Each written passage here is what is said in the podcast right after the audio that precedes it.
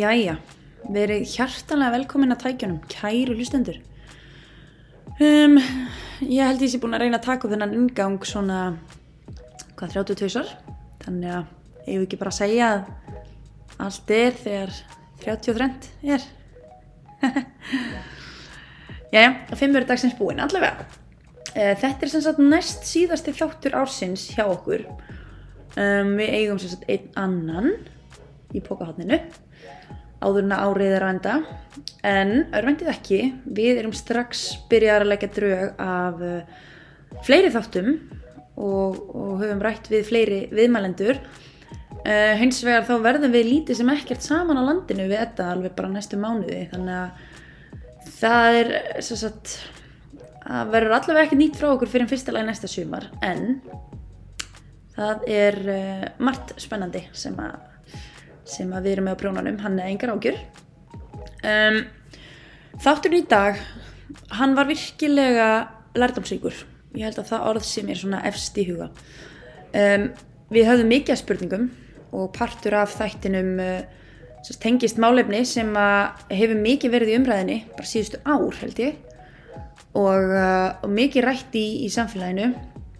Og það var virkilega áhugavert að fá bara góðar útskýringar á þeim spurningum sem við vorum með og, og, gesturinn okkar var virkilega tilbúin að bara ræða bara ymsa hliðar uh, umfyllunarefnisins þannig að við læriðum virkilega mikið og ég vona innilega að, að, að þið njótið ég vel og við gerðum og, og ég vil fræðist eins og mikið og við frædumst en við læriðum eins og ég segja alveg helling og, og hérna er þess vegna held ég ekki eftir neina að býða nema bara að byrja þetta.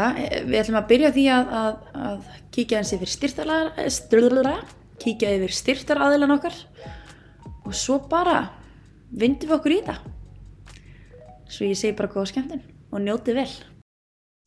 Heyrðu, Okay. ég vil byrja að tala um kræma kræma náttúrulegar eru í borgarfyrði og eru sextalsins. Fimm heitar og ein köld laug er á staðnum og uh, það er engungu hveravatn notað, engum mm. -hmm. sóttrensandi efnu bættið heldur hreinleika þess, uh, hreinleikin er tryggður með því að það er bara mjög mikið vastreimi í Já. gegnum laugarnar Akkurat. það er það sem að heitlaði mig mest við þennan stað, það er það er engin aukaefni, það er bara allt Já, allt þetta er náttúrulegt. allt, allt er náttúrulegt, allt hreint Og, og, og- sána, infrarauð og, vaskubað og, og mat, hérna, veitingastæður og það er allt til alls og jöps við Ólöf mælum eindriði með að þið kíkið inn á krauma.is og aðtöði hvort að þið viljið ekki kíkja í smá, smá degurstíma. mm -hmm.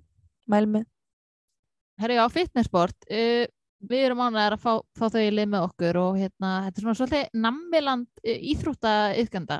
Um, ójá, því að þú veist, þar er þetta að finna svo mikið úrvala fæðubótaefnum og ég veit ekki hvað og hvað og ég fór hérna um daginn og fekk með prótein og, og hérna mjög ánægð, mjög ánægð með misupróteina hjá þeim sem er laktósafrítt og kolvetnafrítt og hérna engin fita, ekkert glútein. Þetta er bara algjör snild og bræðefnin ótalmörg Nei, bara mér hefur aldrei þótt skemmtilegt að leita mér að prótini því að mér finnst yfirleitt ekki góða bræði akkurat, þannig að ég átti ekki vona því að, að nektar missu prótini eða skilju að það væri hvað ég fekk með iced tea og ég átti ekki vona Já. því að það myndi bræðast eins og iced tea en það það Einmitt. er ekki ekki Því að Óli fekk sér æsti og ég gæti náttúrulega ekki neitt annað en fengið mér æsti eftir að hún dásamaði það svo vel og ég sé ekki eftir því og mér finnst þetta alveg frábært og þau eru með ótrúlegt úrval af vörum inn á, inn á síðunni fitnessport.is og ég mæli innlega með því að þið kíkið á fitnessport og, og hérna Mhm. sjá hvort þið finnið ekki eitthvað við ykkar hæfi. þau eru líka með hann að CBD-olju uh, Valdenfarm þannig Já, að kaloríulausu sósurnar, sósuna Já, algjör snill, þær eru og bara náttúrulega allt hitt getum verið inn allan dag. Hvað er í bóði en kíkja endilinn á fitnessport.is algjörlega. Já, við þetta erum líka miklir matgæðingar eins og uh, þið sem þekki okkur viti vel. Og eitt af okkar helstu áhugamálum er að fara út að borða. Þannig að við vorum virkilega gladar að fá fiskfélagið lið með okkur. Því hann er til dæmis einn af uppáhaldsstöðunum mínum. Svo uh, Og mínum. staður, já, og þínum okkar beggja og ég held að þetta sé svo staður sem ég fara oftast út að borða. Já. en það er alltaf fagmennska höfði fyrir og með mikil gæði frábær þjónusta Algjörlega. gúrmematur Mhm. og það er orðin sem, já, sem ég myndi kannski nota til að lýsa Já, Lýsa ég, ég fór, í, fór til þeirra um daginn í hérna, matseðilinn uh, sem sagt upplýðu Ísland uh, og Ah, þetta var alveg dásamleg stund, frábær þjónusta, frábær matur, gæti ekki mælt meira með fiskulaginu. Nei, nákvæmlega og, það er hægt að skoða matseðilinn á fiskfélagið.is eða fiskcompany.is Yes. Ólega, við, við erum báðar íþróttakonur og okkur finnst mjög gaman að að, hérna, vera í góðum fötum þegar við erum að hreyfa okkur. Ég meina, skiptir öllum máli. skiptir öllu máli og Define the Line eh, sport er uh, verslun og hérna internetinu og selur allskynns íþróttaverur fatnaður Mhm. sem sagt og hérna íþróttaveru fatna sem Mhm. og svona kósi galla vil ég minna Í- uh, mér finnst einstaklega eh, eftir ég fekk vörur frá þeim þá finnst mér einstaklega æðislegt að nota peysu sem ég er með því hún er svo mjúk hún er svo mjúk og ég bara þetta er náttúrulega mýkstu föt sem ég fara í sko. algjörlega og ég bara ég dyrka að fara í hana, ég nota hana á hverjum einasta degi og Mhm. vassbrúsarnir hjá þeim eru líka dásanlegir þeir eru svona að halda köldu vatni og Mhm. já, Já.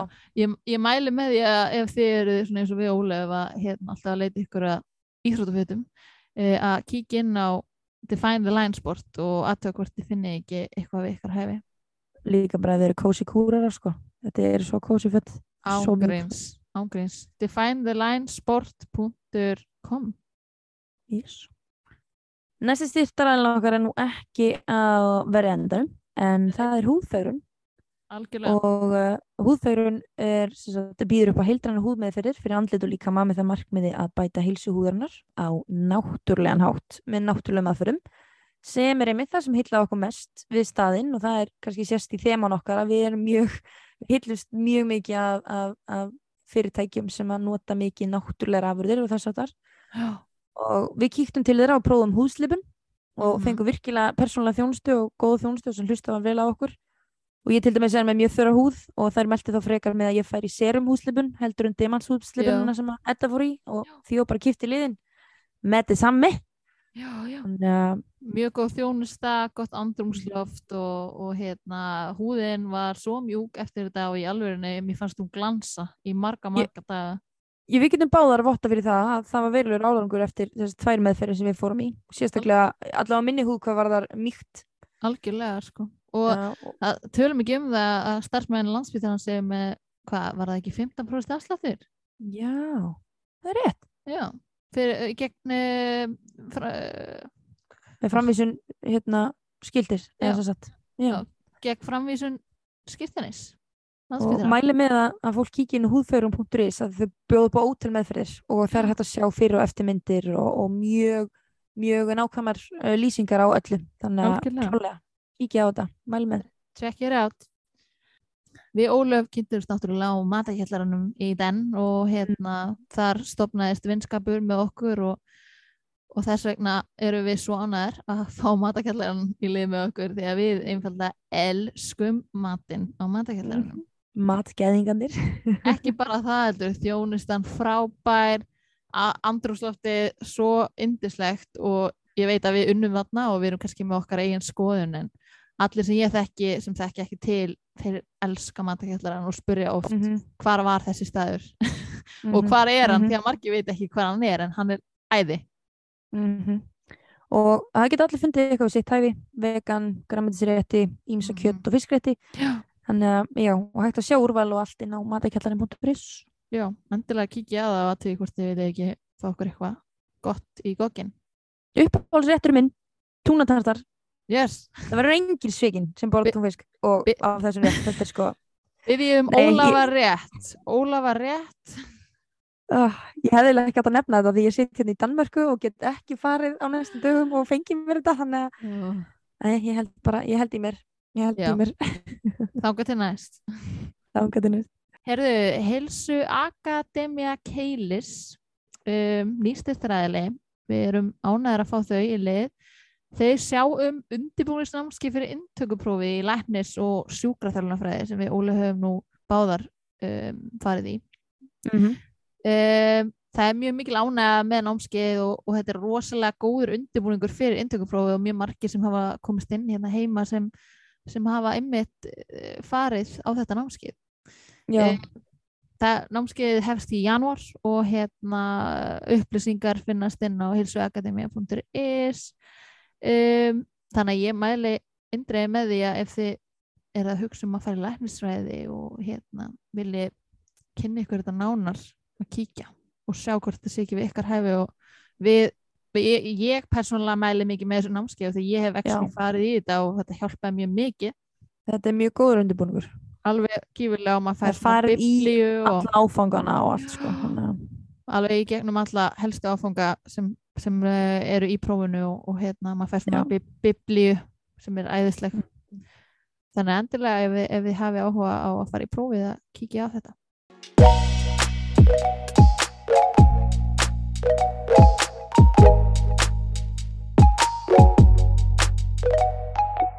Aðalsteinn Arnarsson fættist árið 1972 og bjó megnið af sinni barnæsku fyrir norðan, nánar tiltekið á Akureyri, þar sem hann gekk bæði í grunnskóla og mæntaskóla. Hann las læknisfræði við Christian Albrechts Universitet í Kíl í Þýskalandi og fekk almennt lækningaleifi 2003. Í sérnámi sínu í almennum skurlækningum starfaði Aðalsteinn við Bleking Sykhuset í Svíþjóð og hlauti réttindi sem sérfræðingur í Svíþjóð árið 2007 og Íslandi árið 2008. Hann er einnig með sérfræðiréttindi í Noregi en þau fekk hann árið 2009. Aðalstedt starfaði sem sérfræðingur í almennum skurlækningum við Bleking Sykhuset í Svíþjóð frá 2007 til 2015 en vann einnig í hlutastarfi við Sörlandet Sykhuset í Arendal í Noregi. Aðalsteinn hefur meðal annars einnig starfað á landsbytarlanum en hóps svo störf á klínikin í Ármúla þar sem hann starfar enn. Við skulum gefa aðalsteinni orðið. Vertu velkomin aðalsteinn. Já, takk fyrir. Hvað segir þá? Bara allt fínt. Það ekki? Búið að vera mikið að gera, ertu búin að vera sumafrí? Heri, ég fór í þryggjagna sumafrí. Þriggja vikna? Já, Ok. og er búin að vinna núna í viku, þannig að þetta er bara svona dett inn í rútínuna. Já, já, það er gott.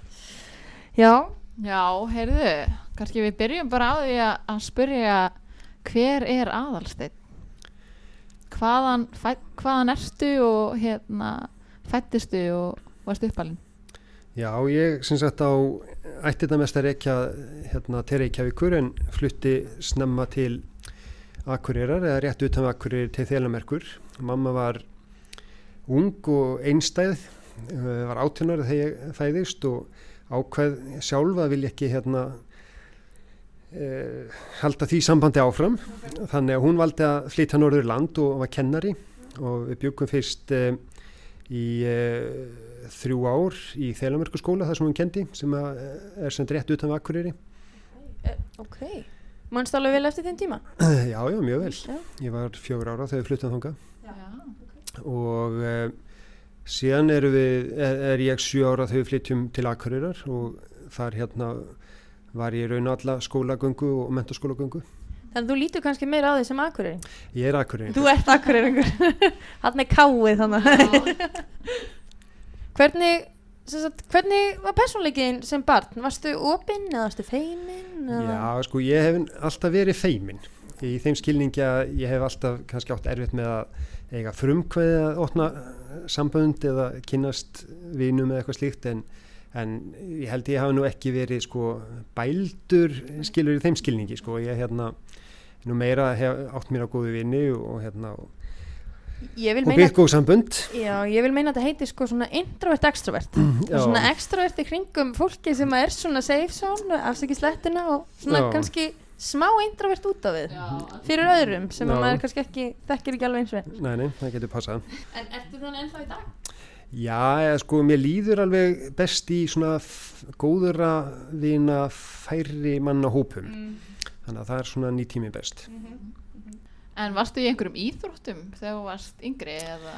Ég fór nú, sem sagt, í fyrsta lagi náttúrulega var ég þarna daldi utan við hérna íþrótta svona starfsemi og síðan var hún kannski ekki orðin eins mikil á þessum tíma eins og er í dag. Þetta var náttúrulega fyrst og fremst fótbolti og, og hérna slíkt sko. Þannig að ég prófaði nú svona þegar hverju. Var þarna einhver tvö sumur í fótbolta og tvo vetur í körfubolta og, og eitthvað í hérna einhver öðru sko en, en var nú aldrei neitt hérna stjördu leikmaður sko.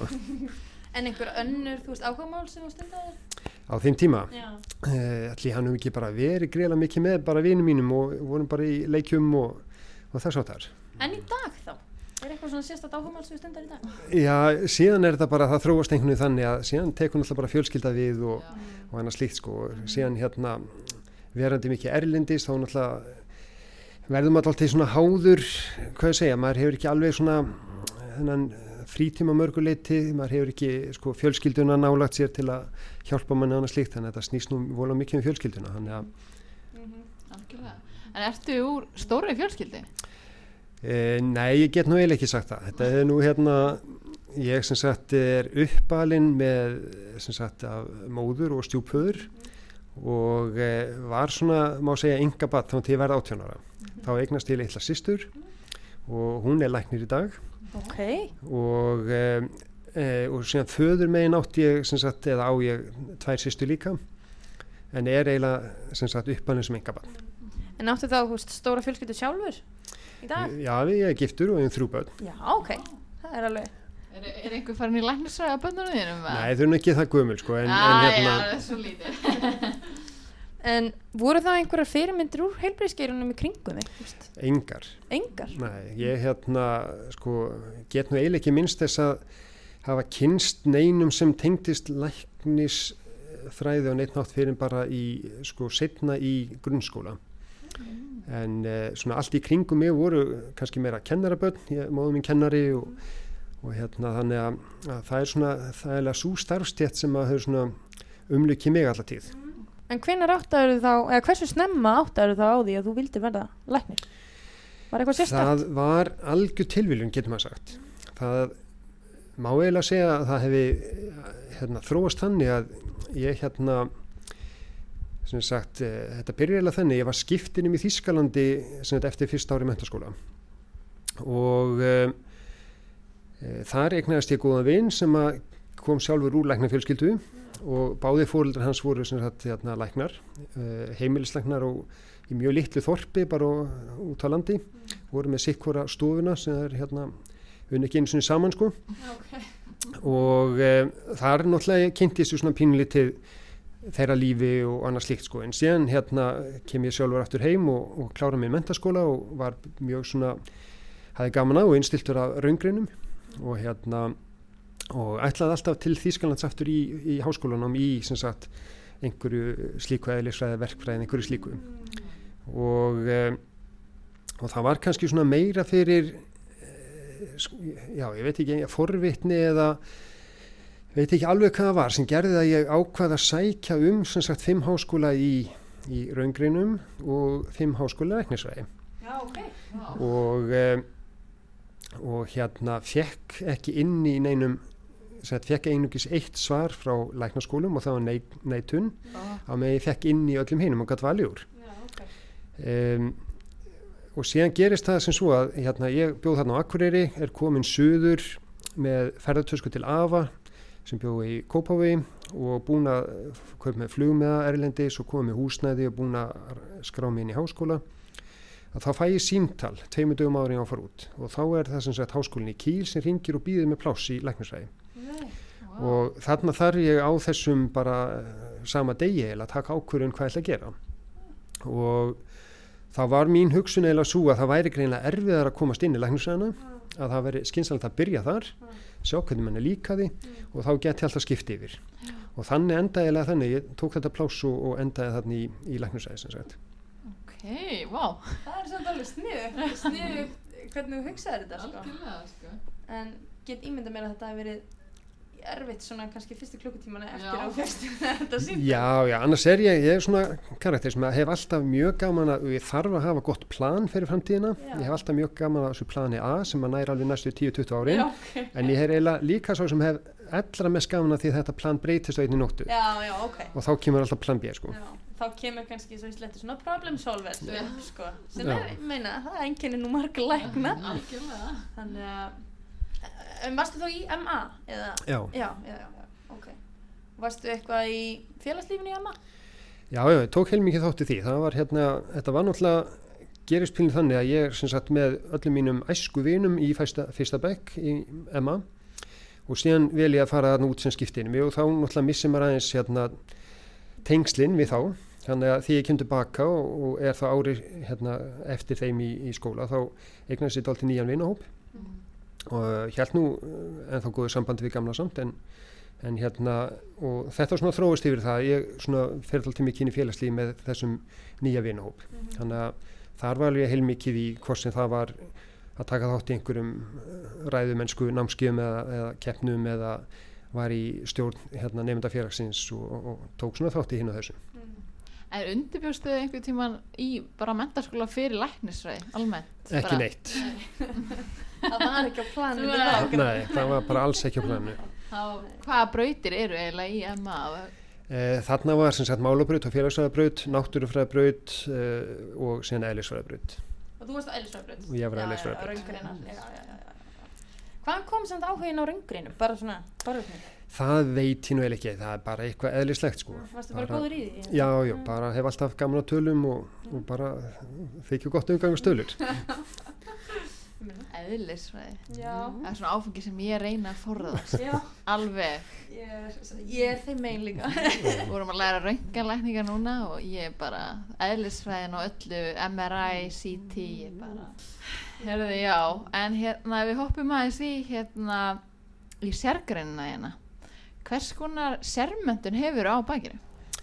Já, ég sem sagt hérna e, valdi að fara til Svíð, já, eða byrjar það sem sagt ég var í námi í Þýskalandi og til að ljúka því þá var sem sagt hálgert kandidatsár og þar gatt maður valið sem sagt að taka hluta erlendis og þannig tók ég síðasta hlutan á kandidatsárinu á Akureyri og síðan hérna æxlast það þannig að við eignumst okkar fyrsta bann þarna á þessum tíma og finnst svona gott að vera ekki að fara út alveg strax. Þannig að við endum á því að fara uh, rétt um hálft ár minnum við til Húsavíkur og síðan tók ég ákveð, ákveði þarna sem sagt að fara þá í hérna og taka sem sagt fyrsta árið af hérna skurlækningum á Akureyri sem var deildalæknir þar í almennu skurlækningum og um, og síðan hérna höfðu við nú ekki mikinn áhuga að fara aftur til Þýskalands í sérnám af því að þjóðverjarnir er nú þannig að það er ekki mjög fjölskylduvend umhverfi og ok. miklar sko það er hérna allavega á þeim tíma það var gerð mikil kraft til fólks að vera að hafa langar hérna vinnuvikur á sjúkrahúsum og, og hérna og svo framvegis. Þannig að við ákvæmum að skoða frekar Skandinavíu og endum á Svíþjóð. Og, og þá hérna ákvæði bara að halda áfram að þessari braut það halda, halda mig við sem þetta almenna skulegningar Ég- Hérna, þegar þú varst í Þýskalandi, þá þurftur að læra þýsku bara frá grunni eða... Já, eða sem sagt ég var náttúrulega búin að vera skipt inn í mitt ár Já, um þannig ég hafði þýskuna og það var líka sko er um krafan til að komast inn í námi þar var Já. að maður þurfti að sína fram á tungumálkunnáttu En sænskan, hvernig er hún? þar kunni ég ekki neitt þannig að það var svona dáltið öðru í sin nálgun sko. það var hérna uh, hafði ég hvorki lært sko hérna málfræðin ég nokkuð tíma komið til Svíþjóðar Já. Þannig að við vorum í Þýskalandi þegar ákváðum að hérna kynna okkur þau sjúkrósi Svíþjóð sem að mér bauðst að hérna vinna á. Og um, það var svona alveg pínu áhugaverð saga sko en, en hérna en enda sem þetta á að koma sjúkrós hérna og valdi sjúkrós í hérna Karlskróna. Og þá var þessi deild eh, tiltöla nýlega búin að hafa hérna góðan kollega sem að hérna lendi pínu í þessari gildru að það var að byrja að tala við hann á ennsku og svona átti pínu erfitt með að komast inn í sænskuna þannig að þegar ég kem á þetta sjúkrás þá er tekin bara strax minni yfirmaður þar eða svo sem ræði mig hann segir bara strax við ætlum ekki að tala neina ennsku við þig þannig að maður var svona eins og bara pínu vittlýsingur hann í Já. þrjá fyrir mánuði Já, já. en í staðinn náttúrulega kom sænska mjög hratt og vel Já, Já. snið. Já, en ég tengi við, við þessa tilfinningu að einhvern veginn, þú veist, hvað þú ert að fara að tala um en að geta ekki alveg tjá þig, þú veist, Nei. man, man líður alveg stundum eins og jólasvein, sko, í alvegni. Já, En það er svo með danskuna líka svona, til að byrja með sérstaklega, sko. Það var eins gott við þurfum ekki að læra alltaf á slóakísku í slóakí. Sumir halda það svona. Já, sem er alltaf. Það væri nú eitthvað. En, en þú talaði, þú fórst þannig og tókst uh, eitt ár í almenni skuleikningum. Var ekkert eitthvað, á, þú bara inn í það eða tókstu bara ákvörðun ég ætla að fara í almenni skuleikningu? Já, þetta er, jú, jú, það er einhvers konar meðutöð ákvörðin en á þessum tíma sem sagt þegar ég er hérna, uppalega í Þískalandi þá er ég mikið að hérna, stunda mikið rannsóknir bara meðfram námi og mjög áhugasamar um rannsóknarvinnu. Og þær sneru svona meira að tauga lífélisfræði og þá á þeim tíma var ég mjög áhugasamur um að fara í, hérna, vissir mjög fljótt að ég hefði áhuga einhvers konar svona skurðlækningum. Og hérna stemdi þá í raun á hérna, heil og tauga. Ok. en komandi frá Akureyri og hafa sem lært í Þýskalandi þá sá einhvern veginn fyrir mér að ég hefði ekki einhver tengst hérna mikil til Reykjavíkur og, og væri kannski erfitt að komast þér að og annað slíkt.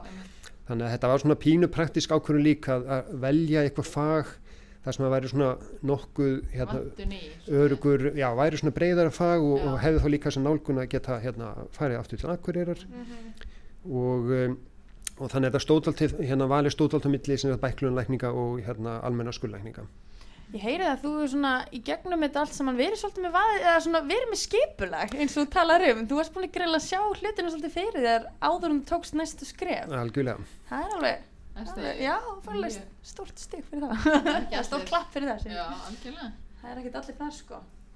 En þú veist, ekkert verra að vera svona ekki, ekki með allt á hreinu en bara minnst það cool sko hvernig þú lýsir þessu. En þú hérna varst að segja okkur að þú hefur eignast bann í, var það ekki í sérnáminu eða var það úti í kýl? Nei, þá voru við komin heim til Íslands, erum sem þetta já. að ljúka hann að kandidatsári Ok, og, um, og þá eignast við fyrsta banni. og hvernig var það? Var það erfitt og að vera með fjölskyldu og vera í hörku vinnu og... Sko, ég hérna vil mig ekki minnast þess að það hefur erfitt. Auðvitað er þetta á einhvern hátt hérna kannski hvernig maður náttúrulega gengur að verkefninu og það var maður á þessum tíma bara mjög áhuga samur um það og, og annars líkt sko. Síðan er ég hérna með konu sem að á þeim tímapunkti sem sagt var sjálf svona ákveða hvað hún ætlaði að gera.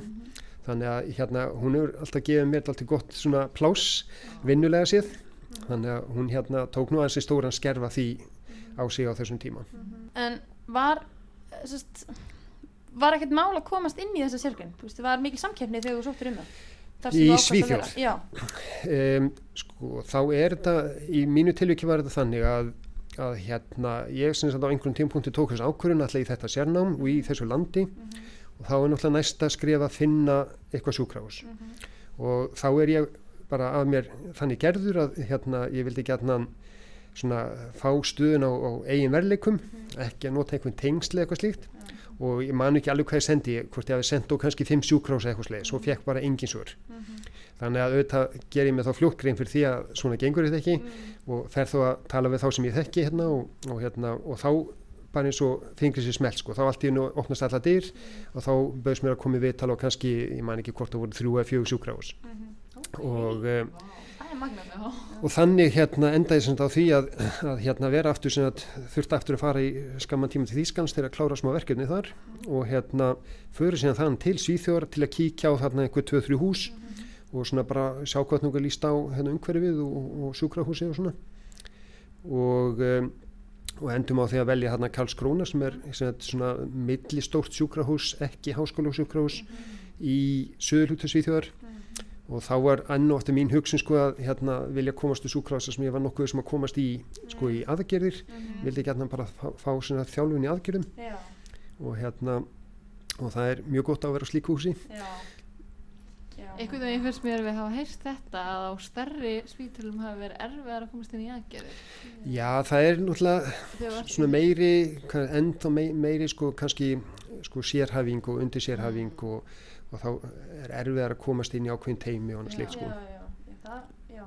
Ég getur reyndar alveg að skilja það. Já. Það er að sniðut á að vera á aðeins minn stöðum. En síðar í þessu sérnámi þannig Svíþá þá hérna er ég sjálfur það sem kalla skemaleikjari og það eru gætna skemaleikjararnir þarna á, á þessum sjúkrahúsum sem taka við umsóknum frá áhugasumum og þá hérna var manni fljótt sko þá skildi maður mjög fljótt sko ég var mjög gaggrínin eh, sko gagvar þessu að hérna að, að það er raun engi sem tekur umsókmanns hérna til greina sko nema með- gegnum einhver tengsl.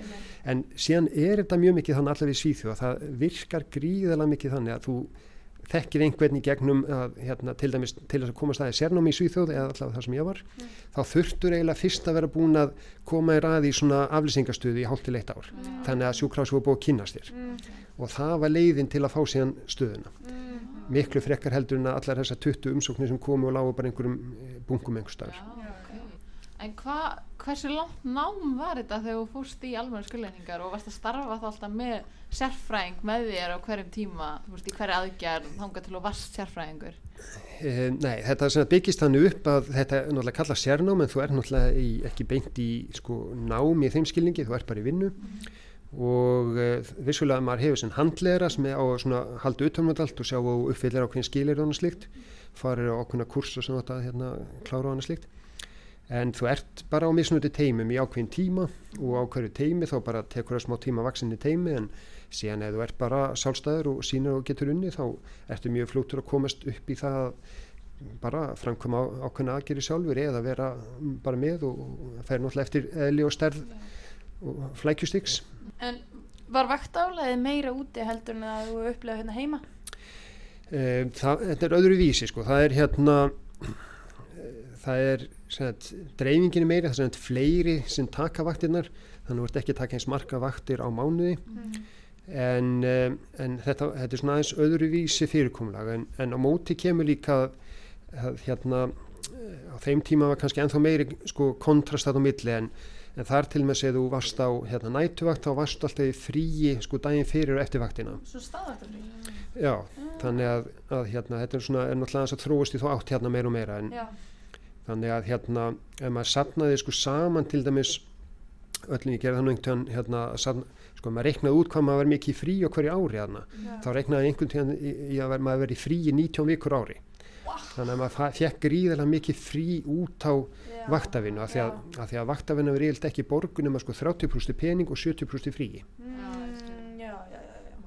En gæstu þá, hefur þá bara getað bara allt í neitt daginn bara, ah, ég ætla að vera frí í þetta Þú veist hvernig Nei, nei, ekki er þannig. þetta ekki að skipleika frí Jú, jú, vel. jú, jú, það er náttúrulega mikið skipulagt sko, en, en hérna Bara svona vera viss. En það var, en maður tók hann kannski svona viku, viku inni já, sko. Já, já, já, já. Það er nú samt alveg ágætt sko. En er eitthvað sem þú hefði viljað vita áður en þú fórst í þessa sérgrein? Þú veist, Var eitthvað sem kom þér helst eitthvað sérstaklega óvart eða veit ekki hvað ég man eftir því sko. Það er hérna Það líka og ég spurði, ertu, þú ert vissum og sért ekki skáti? Á, allt viðbúin Já. það er ekkert sem komður óvart já, nei, ég veit það ekki. Ég hérna, hef svo sem alltaf líka bara haft gaman af bara, já, einmitt að láta koma mér óvart og bara af nýjungum og annað slíkt sko, þannig að einhvern veginn bara tekið verkefnin sem berast mér. En hvað finnst þér svona mest spennandi við vinnuna hérna? E, sko, við þessa sérgrein þetta er hérna, þetta er náttúrulega annars vegar þróast mikið með bara hversu langt maður er komin í sérgreininni og um, þannig að ef maður svona byrjar aðeins þannig á byrjun þegar maður er í sérnáminu þá og á þessu sjúkrahúsi sem er svona millistokk sjúkrahús þar eru við ekki til þess með bráðalækningar við erum ekki með hérna uh, uh, þetta er sem sjúkrahús sem er bæði með hérna valkvæðaraðgerir og bráðaðgerir og, og svo framvís þannig að, að þarna fær maður alveg gríðilega breytt svið að vinna með. Já, þannig að allt frá því að að vera hérna í minni valkvæðum aðgerum og upp í að þurfa að sinna sem sagt, öllu sem kemur á slísa hérna, bráðamóttöku og, já, ok. og hérna þannig að maður fekk mikla breytt uh, það var líka sagt, mjög sterk hefð víða í Svíþjóða að það eru skurðlegna sem að sinna hérna, speiklun á þjónustunni þannig að það voru við sem gerðum magaspeklanir og galluða speklanir, íslspeklanir mm, okay. þannig að öll blæðingavakt var okkar hendum til dæmis. Ok. og hérna þannig að þetta var mjög fjölbreytt. Þannig að ef það er eitthvað sem ég myndi segja að veri styrkleikin þessa sérgrein það væri það sko fjölbreytileikin Já, já, og ekki síst sko hvernig maður vill líka sko þróast innan sérgreinarinnar. Ok. Að hérna maður hefur þarna tækið fyrir að þróa sig yfir í að velja undir sérgrein sem er meira bara dagvinna eða þessi hérna vaktavinna. Já, já. Hvað er eitthvað sá, þá sem þið dættur hug sem þið fannst eða finnst erfiðast í tengslu við sérgrunna þína? Eða hvernig sem ég á að orða það? Já. Já, það er náttúrulega á sama tíma og þetta er sko þessi breyti skemmtileg þá náttúrulega er í dag meir og meiri kröfugjara til hérna til dæmis undir sérhæfingar Ok, og til dæmis í Svíþjóð þar var á svona setni hluta hérna mín starfsferils þar þá var farin komið miklu meiri sko styrkur í umræðunum að hérna centralisera ákveðna hluti. Þannig að hérna þannig að vandamóli þarna eða þessi, þessi balans sem það þarf að finna er að, er að hald, hafa nógu sko breytt fag sem að manni þykir áhugavert.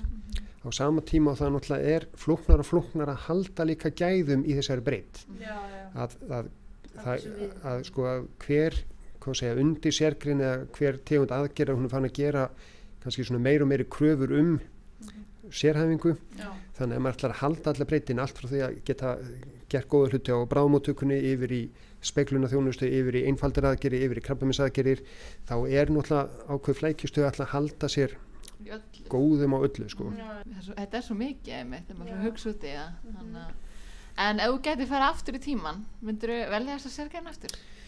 Já, ég held að ég aldrei séð eftir þessari sérgrun og hún, mér þykir hún ennþá mjög skemmtileg í dag Já. en síðan er náttúrulega svo gríðalega margt annað spennandi líka þannig að auðvitað, ef ég ætti að byrja upp á nýtt þá held ég myndi alveg velja eitthvað nýtt bara til að prófa það en ekki, en, að vegna, en ekki vegna þess að mér þykir þetta eitthvað leiðilegt sko.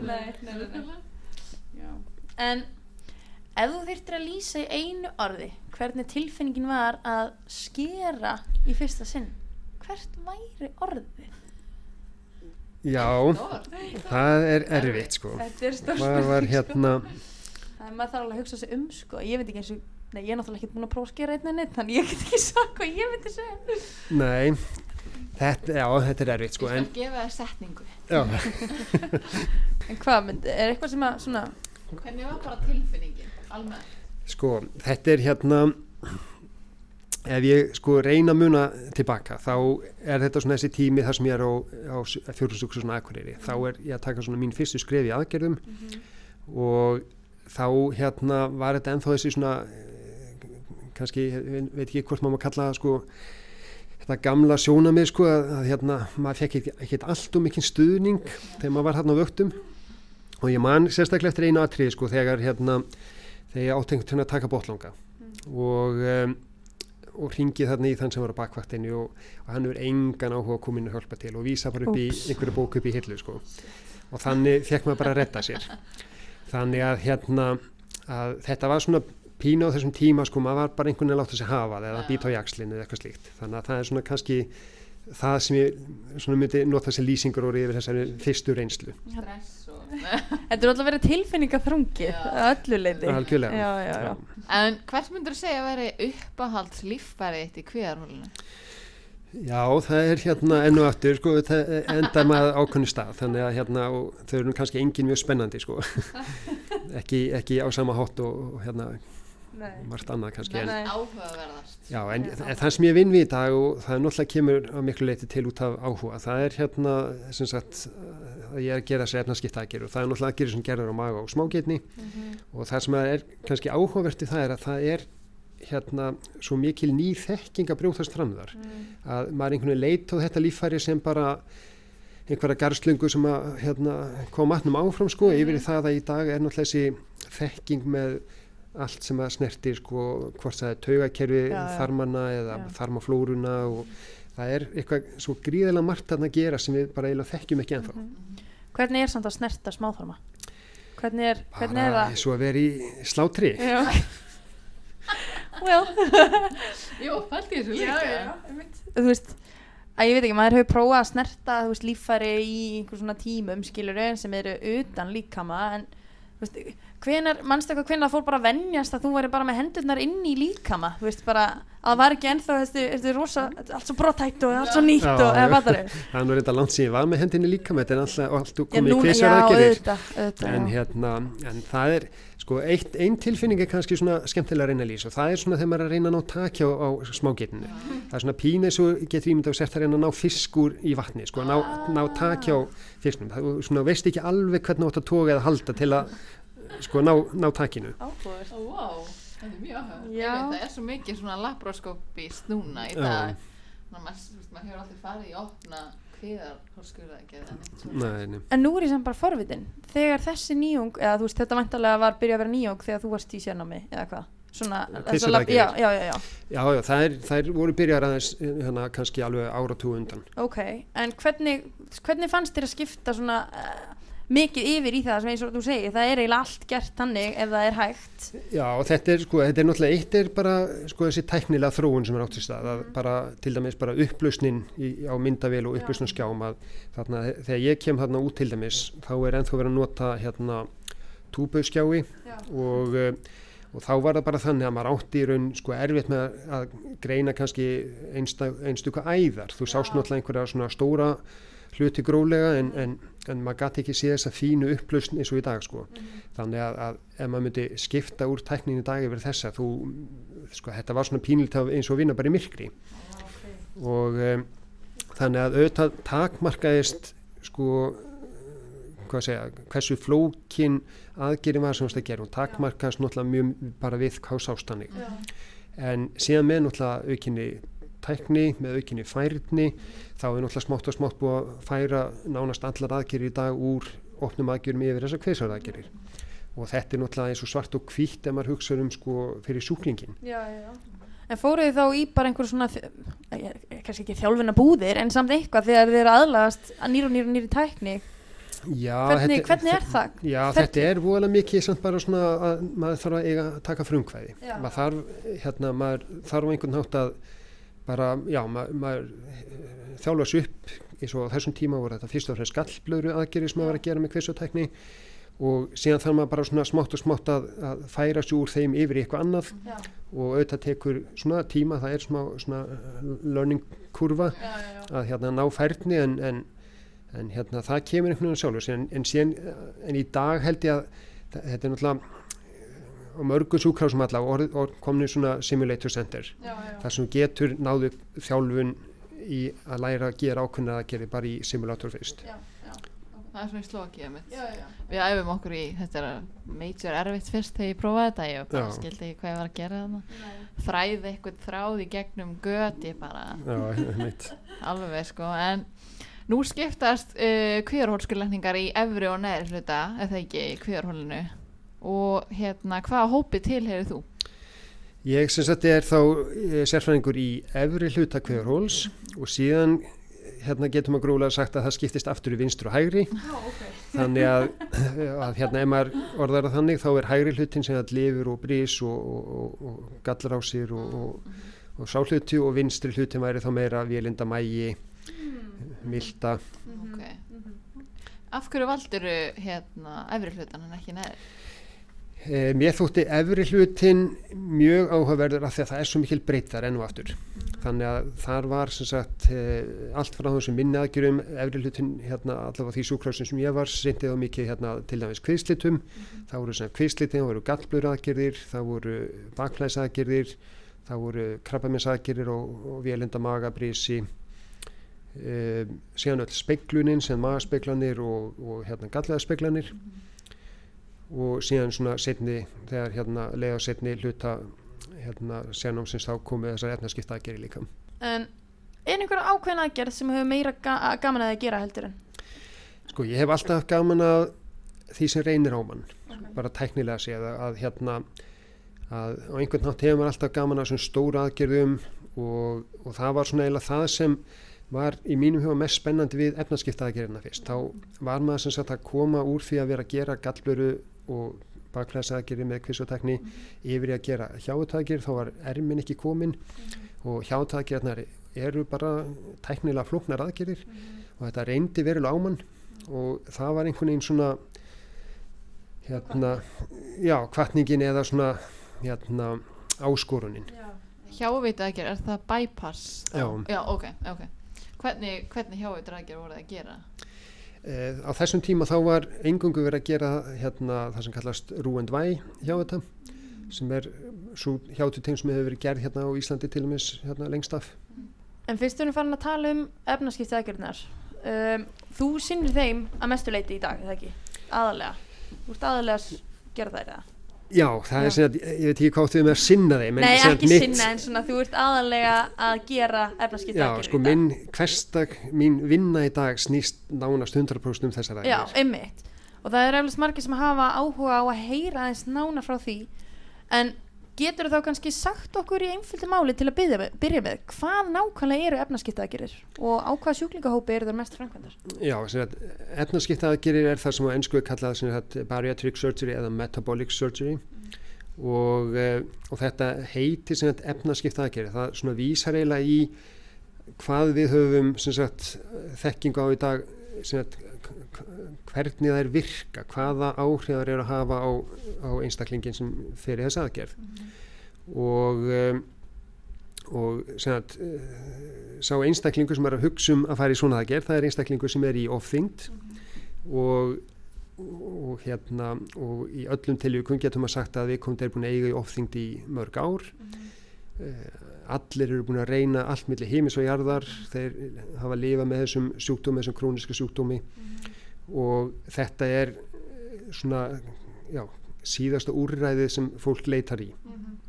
Og um, þannig að uh, sjúklingahópurinn sem að maður horfir mest til það er sem sagt fólk sem er þá uh, gætna komið með efnaskipta sjúkdóma eins og síkusíki, háþristing, kæfisvefn og af því að þessar aðgerir hafa svo mikil áhrif á þessu sjú, uh, sjúkdóma Er alveg skýra línur um það hver getur farið í þessar aðgerður og hver ekki? Það var breyst eitthvað með árunum. Já, já, þetta er náttúrulega hérna breytist alltaf eitthvað með árunum en, en það breytir samt ekki því að það eru eh, svona, má segja, svona klíniska leiðbynningar sem eru tekna saman af fagaðalum sem að eiga að gefa tónin. Það er sem sagt eh, eiga að vera leiðbynandi með hvaða sjúklingahópur hefur mest gagn af þessu. Og, og eiga þá líka vera eh, svona hérna, undirlæði fyrir þá viðkomandi kerfi að taka ákvörunum hverjum á að sagt, veita þessar aðgerir en síðan er það í raun einhvers konar ákvörun sem að tryggingafélagið eða í þá hérna á Íslandi annarkvært landsbytalan eða sjúkrætingar Íslands taka ákvörunum hvar maður setu mörkin. Og þannig hafa til dæmis í Danmörku var einu svona bara með pennastriki var ákveð að færa þessi mörk úr þingdastölu 40 upp í 50 bara þegar mönnum fast allt og mikið gert að þessum aðgerðum. Já, ok. en, en, en fagfólkið sem býr til sína leiðbynningar mm þar er eiginlega viðmið í dag að, að þingdastöðul við komum á að vera 40 að hærri nema ef það er komin sjúkdómin eins og síkusíki þá er hægt að fara niður í 35 Já, já. En neytið þá fólki einhvern tíma um þessar aðgerður? Gerist það alveg? Já, nú sem sagt er staðan hjá mér þannig að ég er ekki að gera þessar aðgerið inn á sjúkrahúsi lengur, heldur ég er sem sagt komin út í bæ þannig að nú eh, þarf ég í raun ekki að fylgja einhverjum leiðbynningum sem sjúkrahúsi setur eða sjúkratryggingar Íslands, heldur þarna kemur fólk sem að borgar úr eigin vasa þannig að nú snýst þetta miklu meir um að ég þarf að sína einhverja skynsemi í hvenar ég tel aðgerðin að vera skynsalega og hvenar ég tel ávinningin ekki vera til staðar. Og þannig þarf maður náttúrulega að búa sér til einhver mörg af því að það er fólk sem hefur ekkert að gera þessa aðgerð sem kemur og, og vil vera svona aðgerð sem er sko nánast í kjörþyngd. Um, eru þá til marga típur af efnaskiptaðagerum af þessu tægi og er eitthvað mælt með öðrum freka, frekar en einhverjum sérst, einhver sem eru mælt með mest af þeim öllum þá? Já, sem að í dag er, er mest verið að gera myndi ég segja þrjár aðgerir þetta fer síðan aðeins eftir í hvar þú ert. Það er aðeins mismöndi hvernig hvers sjúkrás hefur valið að hérna, hvað aðgerið það velur að hérna, bjóða upp á hana slikt en, en ég hérna sagt, er að gera þrenskonar eh, síðan getur maður sagt að í gegnum tíðina hafa aðgeri komið og farið og þetta er stöðug þróun. Þar sem maður er alltaf að leita að bestu aðgerin í formið þar sem hún eigi að gefa sem mestan ávinning með sem minnstum fylgjikvillum og þannig eru menn alltaf að taka fram eitthvað nýtt og nýtt og prófa að segja þess áfram og, og, og það er bara gott að þá eiga hlutinir að þróast þannig. Og þannig hafa verið aðgerið gerðar fyrir 10, 20, 30 árun síðan sem að engun ditt í huga að gera í dag En hverjar eru þessar svona þrjá sem þú ert mest að sena? Svona algengasta sem er framkvæmt í dag og þá er ekki bara að tala um hjá mér heldur á heimsísu það er hérna það sem kallast maga ermi. Og þá er bara að vera að taka stóran hluta magans í burtu. Þá sneiði maður sem sagt, eh, sem sagt hérna mæjur hlið magans í burtu. Og markmið í þeirri aðgerðurinn að maður reynir að snýða alla magana sem skilur eftir eins. Þannig að þú ert með slöngu sem liggur í gegnum munn og niður í hérna, niður, niður að hérna sem skefugöld og þessi slanga er notuð sem svona sniðmátt og síðan heftaru meðfram þessari slöngu þannig að hver veit mægi sem að þú skilur eftir hann er eiginlega eins í útliti en síðan er mægin í fólki mjög misstór og miss hérna tegjanlegur hana þannig að, að sá hluti sem þú tekur í burtu hann er mjög miss misstóri raun Ah. Vissi þetta ekki. Þannig að þetta er bara svona fast mót sem þið vinnum með alltaf á hvaða maður Já, það má segja það sko og, og, og maður getur sagt að þetta er líka svona pínum balans á milli þess að þú vilt eiginlega gera magarinn eins þröng og þú þorir án þess að vera að gera hann of þrönga. Þú vilt náttúrulega ekki að matur sé að festast og fólk sé eigi vandrað með að nærast. Það á að geta nærst eðlilega en samt viltu hafa hann eins lítinn og getur. Já, já, já.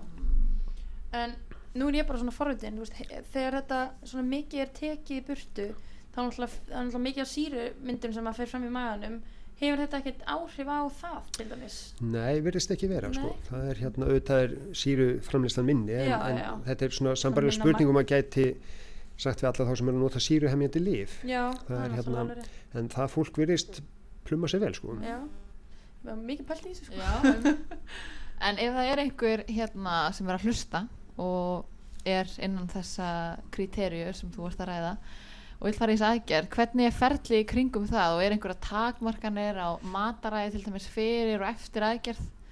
Og eitthvað svona, þú veist, Já, þetta sko, hitta sjúklingi fyrir og eftir líka? ferlið hérna á Íslandi er eiginlega tvennskunar. Það er annars vegar ef þú vilt hérna fara innan sem sagt opinvera kerfisins og fá sem sagt hérna sjúkratingur Íslands til þess að greiða aðgerina þá leitarðu í raun til hérna eh, sem sagt reykjalundar og eh, eða sem sagt krafan er gerð að þú þarft að fara undirbúningsnámskeið. Og þá eru nokkri mismöndi aðra til sem geta búið upp á það. Þannig að þú þarft fyrst að koma þér í samband við slíkan aðala og þar er lagt mat á hérna, hver þú ert og hvort þú uppfyllir þessi hefðbunni skilirði og, og annað slíkt, hvort það sé einhverja frábendinga við aðgerð. Og ef, ef þú ert samþyktur í aðgerð þá er sendir viðkomandi aðlið þá beðin inn á landspítala þar sem að aðgerðin svona framkvæmt Eh, síðan eins og með mjög margt annað í kerfinu hjá okkur í dag þá eru byggtímar þarna til langir þannig að mjög margi sem hafa tekið ákvörðun að vilja fara aðgerð þeir nenn ekki í gegnum þetta kerfi Nei, og velja að koma á staðin svo hjá okkur. Já. og hérna og þá er sem sagt hérna eh, þá getur við komandi raun bara hringt og bóka tíma kemur í viðtal það sem er raun gerir sambarilegt mat hvort það sé ástæða fyrir aðgerð hvort það sé frábendingar og annað slíkt. Ég, maður hefur lesið þetta, fólk sem er í alveg rosalega mikið lífið þyngt því að það hefur mælt með við það að, að grennast eða allavega léttast eitthvað áður að þeir í aðgerð af, bara hvaða tægi sem er það er náttúrulega ákveðin áhættu sem fylgir að fara í aðgerð bara hver, hvaða aðgerð sem það er. Og ég hef sérst, maður hefur heyrt af fólki sem að léttist kannski á tveimur árum um sko, 40-60 kíló eða eitthvað og fær svo grænt ljós um að koma í aðgerð á þeim tímapunkti veist, er að þínu mati einhvers staðar mögulega hægt að mæta þessum einstaklingum á þessum skilum og íta þá kannski frekar en til leiðin að halda vegferðinni áfram frekar en endilega fara aðgerðarleiðina eða Þú átt sem að við að það eru gerð krafa á viðkomandi að leta þessum 40-50 kíló áður en fyrir aðgerð. Nei, nei, nei, ekki endilega 40-50 kíló heldur manneskinn í rauninni byrjar á einhverju vegferð léttist um 40-50 kíló á þessari vegferð Já, já, ok. tekur svo ákvörðun, ok, ég er tilbúin núna Já. að fara í aðgerð veist, ég er bara svona að hugsa, veist, hvort það væri einhvers þar hægt að ægi, þú veist, að því að þá er manneskan komið svo vel á leið Já, já. er Sko, það er náttúrulega hérna auðvitað er alltaf einhverju sem texta já, en samtímis vitum við líka af reynslu af rannsóknum og öðru slíku að hlutall þeirra sem ná að viðhalda þessum árangri sem Já. þessi einstakling sem er hérna náð 50 kílóm að sér mm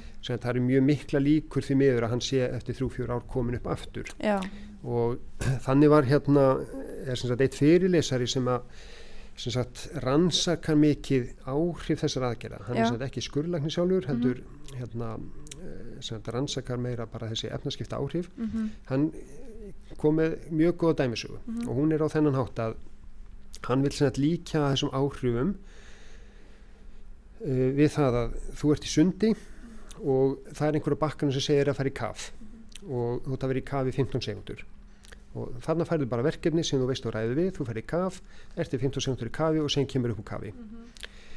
Nú lætur sami aðliði gera nákvæmlega sama verkefni nema hann ætlar að flækja það örlítið. Mm -hmm. þannig að láta það vera í kafi í 10 mínútur en þú færi líka eina miljón dólara fyrir. Þannig að þú er komið með sama verkefni sem þú ræðu við. Þú veist þú kant verkefnið. Þú veist þú ræðu við verkefnið eina sem ert að gera er að lengja tíman en sem ertu með svakalega gullrót í að þeir verður ríkulega launað. Þannig að þú ætlar í kafa og ætlar aldrei að halda þetta út en það koma þarna innri kraftar sem ítæður upp úr vatninu. Já. þú bara ræður ekki við þetta. Og hann vil meina að þetta sé mjög sambarilegt það eru þarna einstaklingar sem að vita nákvæmlega hvað eru að gera til að létta sig, þeir hafa verkværin, þeir kunni þetta, hafa oft gert þetta áður, þeir geta létt sig, þeir fara nákvæmlega sko ferðíka og þá nærða létta þig, en síðan koma þessir innri kraftar Já, sem ítæru búið vatninu já. og þér bara mistekst. Þannig að fólk, þú veist, rokkar upp og niður og, já, já. Já. Já, nei, eða, þú veist, maður er bara forvitin, sko, það er gott að fá góð svör líka. Ég hérna, þe- hérna þekki eina sem fór í svona aðgerð og það var bara hún var mjög hamgjusum með það uh, langur beðtími út af COVID og allt það en hérna hún var að segja mig frá hvernig mataræði er eftir aðgerðina. Og það var eitthvað svona svolítið stíft. Er það, getur sett okkur aðeins frá því svona hvernig, af hverju það er og... Áttu þá við bara fyrstu vikurnar eftir. já, já, já, þú veist. Sko, margt af því sem að gerir snýst náttúrulega um hefðir. Þannig að, að síðan snýst þetta líka um að þú ert að reyna að búa til leikreglur fyrir stóran hóp einstaklinga sem velur að fara í aðgerð.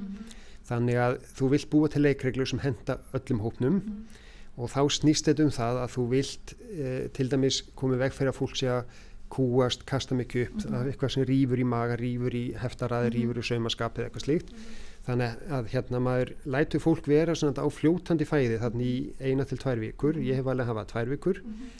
Og síðan fer það svona hægt og rólega úr þessu fljótandi fæði yfir í maukfæði og síðan yfir í vennilegt fæði. okay, Þannig að þetta er svona tveggja til þryggja vikna ferli okay. og þetta snýst um að það tekur þessar þrjár vikur fyrir þessa heftaröð á maganum að gróa.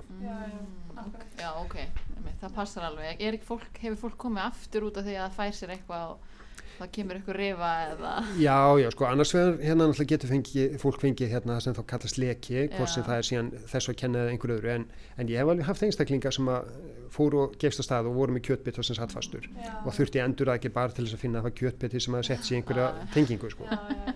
En það þá líka kannski að það er nefnt bólgur til staðar. Einmitt, þetta snýst um það einmitt. Já, já, já.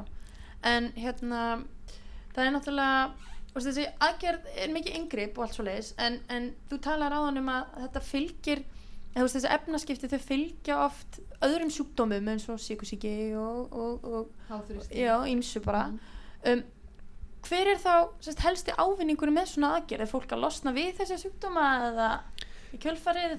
Já, þetta er sem sagt hérna snýst mikið um akkurat þetta að hérna að aukinni yfirþyngd fylgir hérna og fylgir oft ymsi sjúkdómar og e, það er stundum talað um að yfirþyngd sé í raun krónisku bólgusjúkdómur. Já, og þessi króniska bólga hefur sér mjög neikvað áhrif á mjög margt. Já. hvort sem það er hérna e, einhvers konar stóðkerrisverkir eða hérna hvort það er mögulega útskengin á því að tíni krabbamennar algengir hefur fólki yfirþyngd.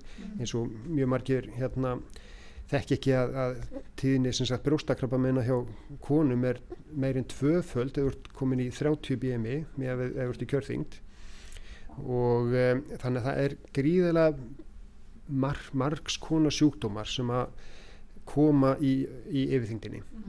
Eh, þessi klassísku sjúkdómar er náttúrulega eins og sykusíkin og þar, og það er þá sykusíki að gera tvö og þar þekkjum við flest hérna bakgrunnuna því að, að brisi er ennþá í lægi þannig að það framlega ennþá insulín en líkaminn, frumur líkamins hægt að hlusta á þetta insulín þannig að myndast þetta insulín viðnám og það er talað um að mjög sambarlegt því þá geti annars konar hormónakerfi þarna eh, sem að fari úr balans. Þannig að þannig til að ta talað um að hérna að leftin sem er framleitt í fytuvef fytuvefurinn ykst leftin á meðal og þar með ykst leftin framleyslan í aukinni yfirþyngd. Leftin á að hafa þau áhrif að, að það á að svona stula því að, að fólk borði minna. En, en þarna er aftur eitthvað sem hættir eitthvað í líka sem hættir að hlusta á það þannig að hættir að virka eins og það á að gera.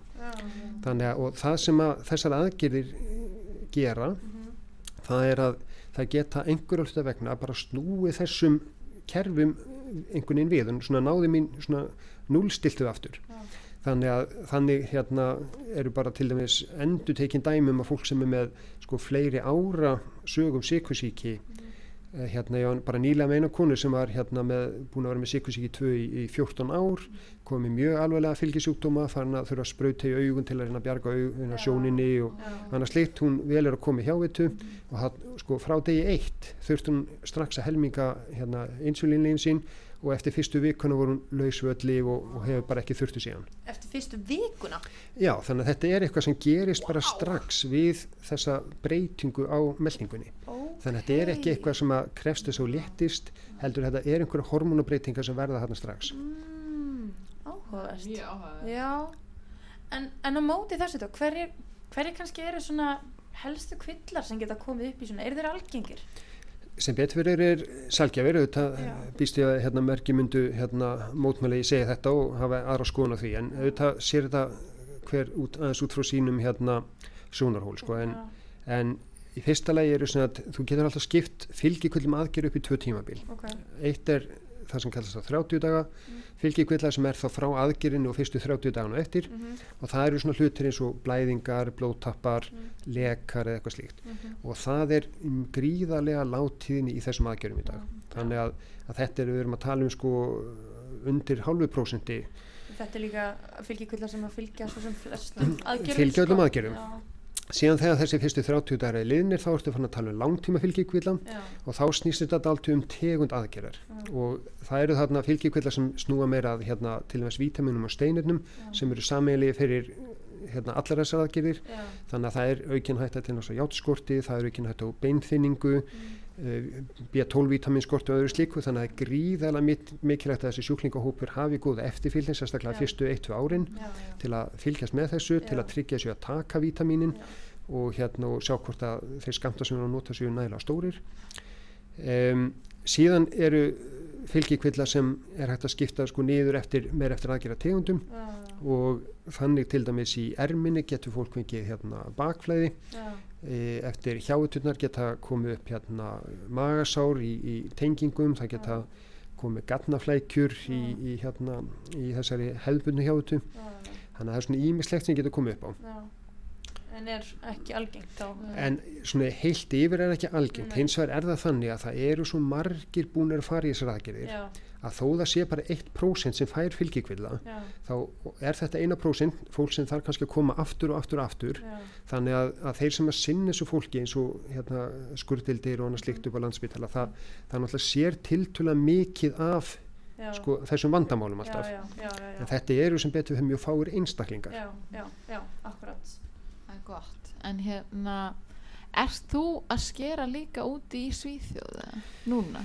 um, Nei, ég sem sagt þegar ég flutti heim, Já. það er nú orðin sjó síðan þetta er líða, þar hérna þá vildi ég nú gætna halda kontakt við gamla sjúkrási, var nú í 13 ára á því sjúkrási og hérna e, þannig ég var nú að pendla allt á milli svona fyrstu árin sko, en síðan hætti ég því en ég hef reyndar haldið tryggð við annars sjúkrás sem ég hef verið á í, hérna, frá 2012 í Noregi. Og þanga fer ég ennþá Að þú ferð þangað og gerir þá bara hjáveitur eða aðgerðir þegar maður skipta, ok. En hvernig er eins og þá í Noregi, eru einhverja meiri kröfur gerðar hérna, þú veist, við þessar aðgerðir eða einhver, þú veist, í tengslu við BMI og þannig Þú meina hvaða sjúklingar sem að fá vega fara í aðgerðir? Nei, nei, það er bara í raun það sama og er notað hér á landsbítala En er eitthvað þá í ferlinu yfir höfuð sem er gert öðruvísi úti heldur en hér heima? Já, það er síðan alltaf aðeins bara hver, hvernig hver og einn staður velur að gera. Já, og þannig til dæmis var alveg tölur munur á því hvernig þetta var gert þar sem ég er í Svíþjóð og þar sem ég er í, í Nóri og hérna og aftur tölur munur hvernig landsbítalinn gerir þetta með þá staði. En svona í grófun dráttum snýst þetta um sömu hluti. Uh, það hefur verið í umræðina eins að, að, fleiri, eins og þú segir, að fleiri margir sem er farin að velja þessa leið eða skilja eða allavega kanna upplýsingar um hvort að það sé kandidat í svona eða hvað. Hver myndir halda sér ástæð fyrir aukningu fólks á þessu? Já, sko, nú er það því mjög þannig að Íslendingar eru feit þjóð. Já, þannig að bara með, eru, ekki með, eru ekki best í öllu, sama hvað það er. Já, það er bara þannig. Og hérna, þannig að ef við berum okkur saman við bæði svíja og, og normenn þá erum við allavega tvöfaldri sko, þetta vandamál með ofþyngd eða hérna offitu er allavega tvöfald stærra hér með þau lönd. Já, þannig að það eitt útskýrir náttúrulega af hverju við erum að gera tölvöld meira aðgjörum hér heldur en þar eh, við líkjumst meira sko löndum eins og hérna Englandi og Bandaríkjunum um að vera að skoða þessar tölur já, ok. og um, en síðan er það líka þannig að eftir að magarminn kom sem að er svona í kringum 2012-13 sem hún fer að verða svona almennt viðkend á Norðurlöndum Mhm. þá er þar allt í hennu komin aðferð sem er svona einfaldar margan átt Uh, fólki finnst nú líka einfaldara því að hérna, maturinn til dæmis er að fara sömu leiði gegn þó að maginn sé minni Já, og, uh, og það er bara staðnind er að það er til að lítið af alvarlegum fylgjikvöldum sem fylgjenni ok. þannig að þannig er allt innu komin hérna, aðferð sem uh, fólki finnst svona minna yngripp en er samt að gefa því oft og tíum bara mjög góðan árangur Mhm. þó að hún sé ekki, almennt ekki af kraftmikil og hjátunar Ok. og þetta er bara svona hálgerður svona, svona þetta eru svona snjóbolt áhrif Já. þannig að, að þú tekur einhvern einstaklingi aðgerð í dag og tveimur, þreimur án setna þá er allt í einu fjóri, fimm úr sama vinnuhópi eða sama vinnustað eða sömu Mhm. fjölskyldu komnir aðgerð Já, já, einmitt. Eru, nú ég bara forvitin, eru margir sem að, þú veist, koma inn í svona aðgerðir sem að eru, þú veist, þeim bara gefin í rauninni afarkostur, bara annarkvort þetta eða bara ekkert annað, skilur Já, það er alltaf inn á milli sko, þannig að núna til dæmis er hérna bara sem eitthvað dæmi sko, að, að einstaklingur sem er í mikil yfirþyngd og allar í meðmannskipta aðgerð, Já, eh, sem að liðskipta aðgerð, þar eru bæklunarlækna meira og meira að gera þá kröfu að við komum til létti sig áður en fyrir þá aðgerða því að fylgikvöldinir eru svo miklir já, hérna í þessari yfirþyngd. já, Þannig að það er algengur og algengar að maður fái sem tilvísun frá þá til dæmis hérna, bæklunarlæknum um efnaskipta aðgerð til þess að þessi sjúklingu komist í sína liðskipta aðgerð Mhm. og sama á við til dæmis um, um hérna, nýrnalækna Mhm. þeir eru farnir að senda meira uh, hérna, hjartalæknar þegar þeir eru komnir í þrótt út af alveglegum hérna, alveglegum hjartasútumum Mhm. þá er þetta hjá einstakling sem þetta í yfirþing þá er þetta stundum hérna, þeirra síðasta ráð Ok, Þannig þetta að- vissi ég ekki. þannig að það er alveg hérna sko, breytin er að aukast þarna sko. Já, magna. Er einhverjar spennandi nýjungar framvindan í efnaskipta aðgerum sem, sem þessum, eitthvað sem þú veist? Sko, það eru alltaf að koma einhverja nýjar þannig að núna til dæmis hérna er eh, áhugaverð nýr variant af, af hérna hjáötu komin sem er svona þeir sem byrju með hann hérna byrju kannski fyrir svona þremur árum og eru bara sína mjög góða árangur og, og hann hefur sína kosti og galla eins og allt annað eh, síðan á bara eftir að sanna sínastu þrjú, fjögur, fimm árin hvernig það reynist síðan eh, síðan er náttúrulega hérna ímislegt sem er búið upp á sko. þannig hafa komið nokkra aðferðir sem hægt er að hérna, gera með speklunartekni sem magaspeklunum þar sem að hérna já, alls konar hugmyndir sko. það er ein hugmyndin að setja hennu langan sokk sem næri úr magunum niður í langt niður í smákirni þannig að maturinn kom aldrei í snertingu við slímhúðina Það á þess að taka neitt. án þess að taka neitt þetta er bara svona plastsokkur sem liggur hann og maturinn fer bara í gegnum eitthvað sokk Ok. Eh, það reyndist ekki hérna eh, núna er verið að auglýsa eh, fólk hérna að fara á Facebook og auglýsningar um að fara í hérna í eh, hérna speiklunar sem að maga speiklunar aðgerðir sem að hafa það markmið að herma eftir hérna maga ermi það er svona að býr til þröngan maga án þess að skera neitt af honum bara svona saumar hann saman getur maður sagt Ok. en maður veit fyrirfram að það mun ekki hjálpa allt svona gefur sig eftir Já. 1-2-3 ár Já, þannig að það er svona margt reynd en, en Já. hérna en það er alls ekki allt sem að sko, hérna er þess virði að hoppa á það alveg strax sko. Nei. En hérna, nú eru margir Íslandingar, mér finnst þetta svo áhugavert ég var að lesa frá þér uh, smá texta að þú ert eitthvað að fórstu bakflæði og bakflæðis aðgerðir og það eru margir Íslandingar sem þjást af bakflæði. Og því er í forvitin, eru margir sem þurfa á aðgerð að halda vegna þess? Nei, í dag er það nú tiltölu lítill hópur. Ok. þetta sem að það komið þessi góðu hérna, prótonpumpu hemlar sem er náttúrulega gjörbreyttu þessu sjúkdómi þannig að allt í einu var bara meðferð sem að gagnaðist nánast öllum. Þannig að í dag gerir þú ekki bakflæðist aðgerð nema að við komandi þól ekki þessa meðferð sem þetta sem er ónami fyrir livjum eða livin hérna gagnist ekki nógu vel. Eða það sem að hérna reynlega getur líka verið að þó þú sláir út maga síruna þá eru sem einstenglingar sem eru bara að fá maga innihaldið upp alveg óháð því hvort það er súrt eða ekki. Já. og þá getur þetta innihald verið að valda hérna lúnabólgu eða hæsi eða einhverjum andræðum og þá er þetta kannski eina leiðin. Hvernig er þannig aðgerð framkvæmt? Hvað gerir þið? Þá, já, þá hérna eh, það er enn og aftur kvisuraðgerð þar sem þú sem sagt, losar um hérna fundusluta magans og vefur honum um vélindað og saumar hann aftur við sama, saman við sjálf og segja framanverið þannig að þú ert búin að búa til svona hálgerðan kraga bara utanum efsta hluta magans og neðsta hluta vélinda. Ok. Og þannig byrðu til ákveðna mótstöðu þannig að hérna að maga innihaldið á ekki eins og auðvilt með að komast upp í velenda Okay.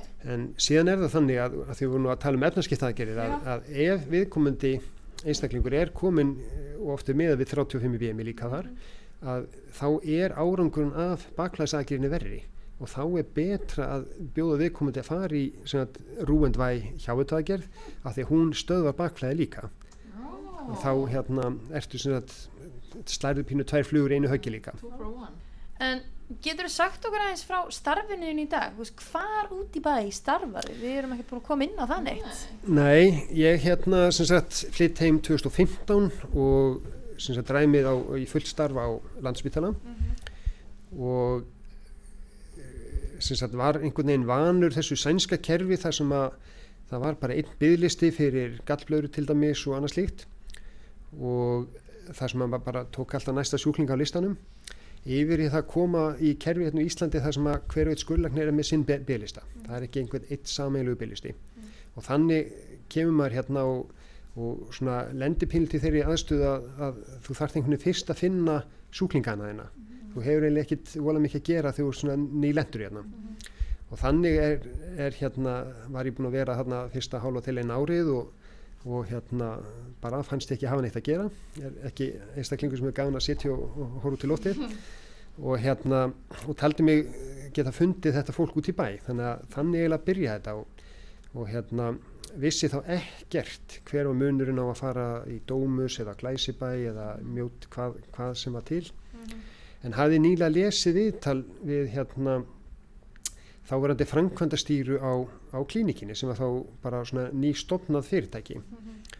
Og síðan eins og tilviljarnirnar geta verið skemmtilegar þá hérna var ég að keira norð til Akureyrar um áramót og þá heyri ég viðtal við þávarandi landlækni sem er að lýsa því að hann ætli nú að fara að stoppa inntöku nýra lækna á þennan samningu sjúkatringi Ísland sem gerðu sem, sem var nöðsynlegu til að geta bóði sjúklingum upp á greiðslu þáttu hvað maður út í bæ.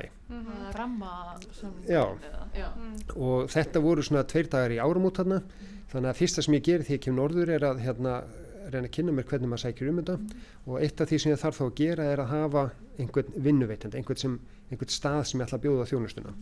Og þá myndi ég eftir þessu viðtali sem ég hafði lesið og, og hérna ringi í, í, í viðkomandi frangöndastýru sem að segir bara sjálfsagt, þú mátt alveg gefa okkur upp og síðan heyrustu bara einhvern veginn yfir kaffubólla og sjáum hvað verður. Þannig að þarna sækjum um þetta leiði að því að tegum þau síðar átt að, átt að stoppa sem sagt eintökun íra að lækna og uh, og tryggjum við sem bara var komið með hennan þetta leiði og síðan leið þarna alveg hálft ár kannski þá til ég sest yfir hennar kaff, kaffibólla og þá tökum við bara þá hverjum að ég hérna, get bara prófa að opna stofu þar og þá var þetta alveg nýtt. Þetta var bara algjörlega í mótun. Enginn vissi almennilega hvað þetta verður úr þessu fyrirtæki og það var ekki almennilega einhver þjónust að komin. Það var svona verið að fikra sig áfram með það sem átti að heita svona kvenna hérna, klínik átti að vera svona, átti að sinna vandamálum sem voru meira svona eins og brjósta hérna, kvennsjúkdóma og þess að þar nema hvað að hérna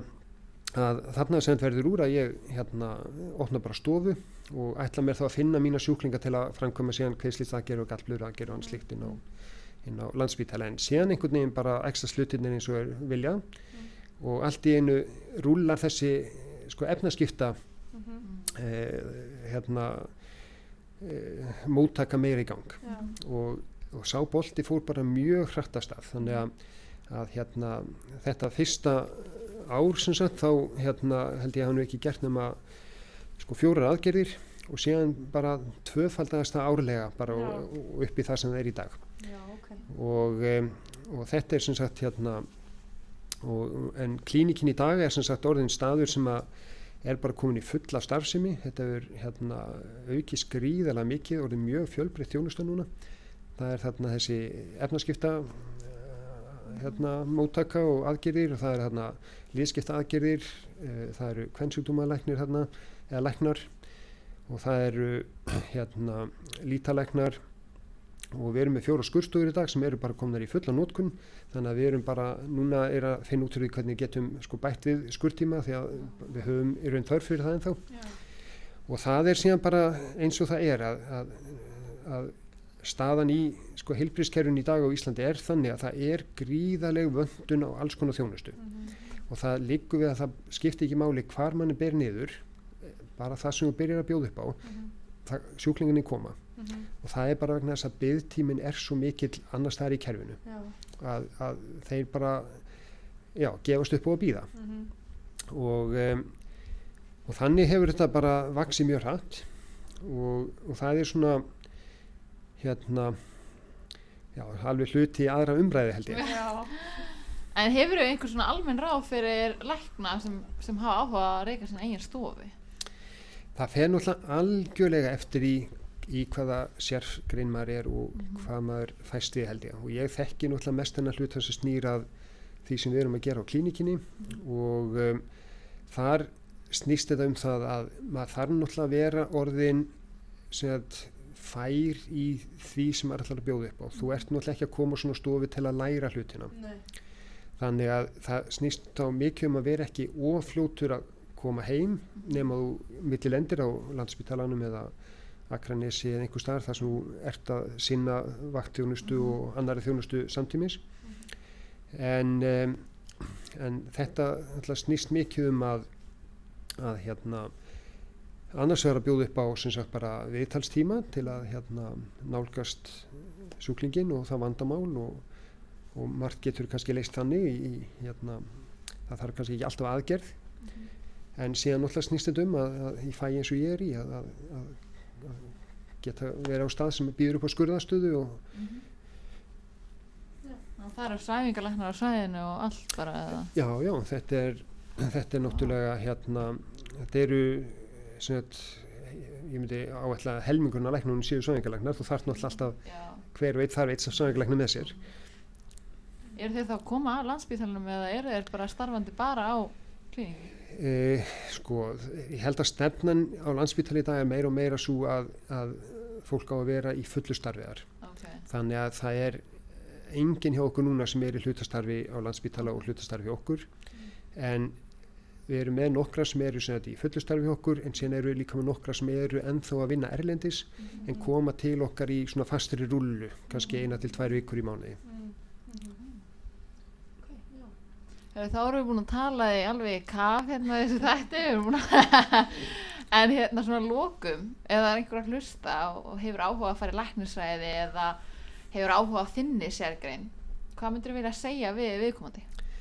Já, ég held að almennt sé sé læknisfræði hérna, spennandi valkostur. Þetta er mjög fjölbreytt fag og skemmtilegt á margan átt og það þarf maður að hérna, gera upp við sig að þarna eru náttúrulega þetta er þessi mannlegi þáttur, þetta eru samskiptin og, og þetta er náttúrulega svo gríðalega margt sem maður þarf að taka með inn í myndina. En, en heilt yfir myndi ég heiklust hvetja við komandi að gera þetta. Þetta er áhugavert á margan hátt og enn og aftur þetta er svo fjölbreytt að maður getur valið já, henda manni betur að vera í dagvinnu eða vill maður vera í, í einhvers konar spennandi vaktavinnu eða, eða hérna uh, vill maður fara meir út í rannsóknarlækningar. Þetta er, þetta er orðið svo mikið um valkost í dag. Herru, frábær lókur, takk kærlega fyrir komuna þetta var mjög áhugavert. Já, takk fyrir mig. Já, þið voru að hlusta á viðtal við Aðalstein Arnarsson hjá klínikinni og eins og við tölum um í byrjun þá lærðum við þetta virkilega mikið af þessu viðtali og vonum að þið hafi gert það sama. Það er alltaf gaman að læra eitthvað nýtt allavega finnst okkur það. Uh, og til þess erum við meðal annars hér bæði til að læra nýja hluti sjálfar og einnig svo þið getið fræðist með okkur. Og já, þetta var eins og ég talaði um í byrjun næst síðasti þátturinn á árinu. En þannig við heyrums fljótlega aftur í síðasta þætti ásins sem er alls ekki síður en hinnir og við hlökkum mikið til að vera með okkur þá. Svo þanga til, þá segjum við bara blessi bili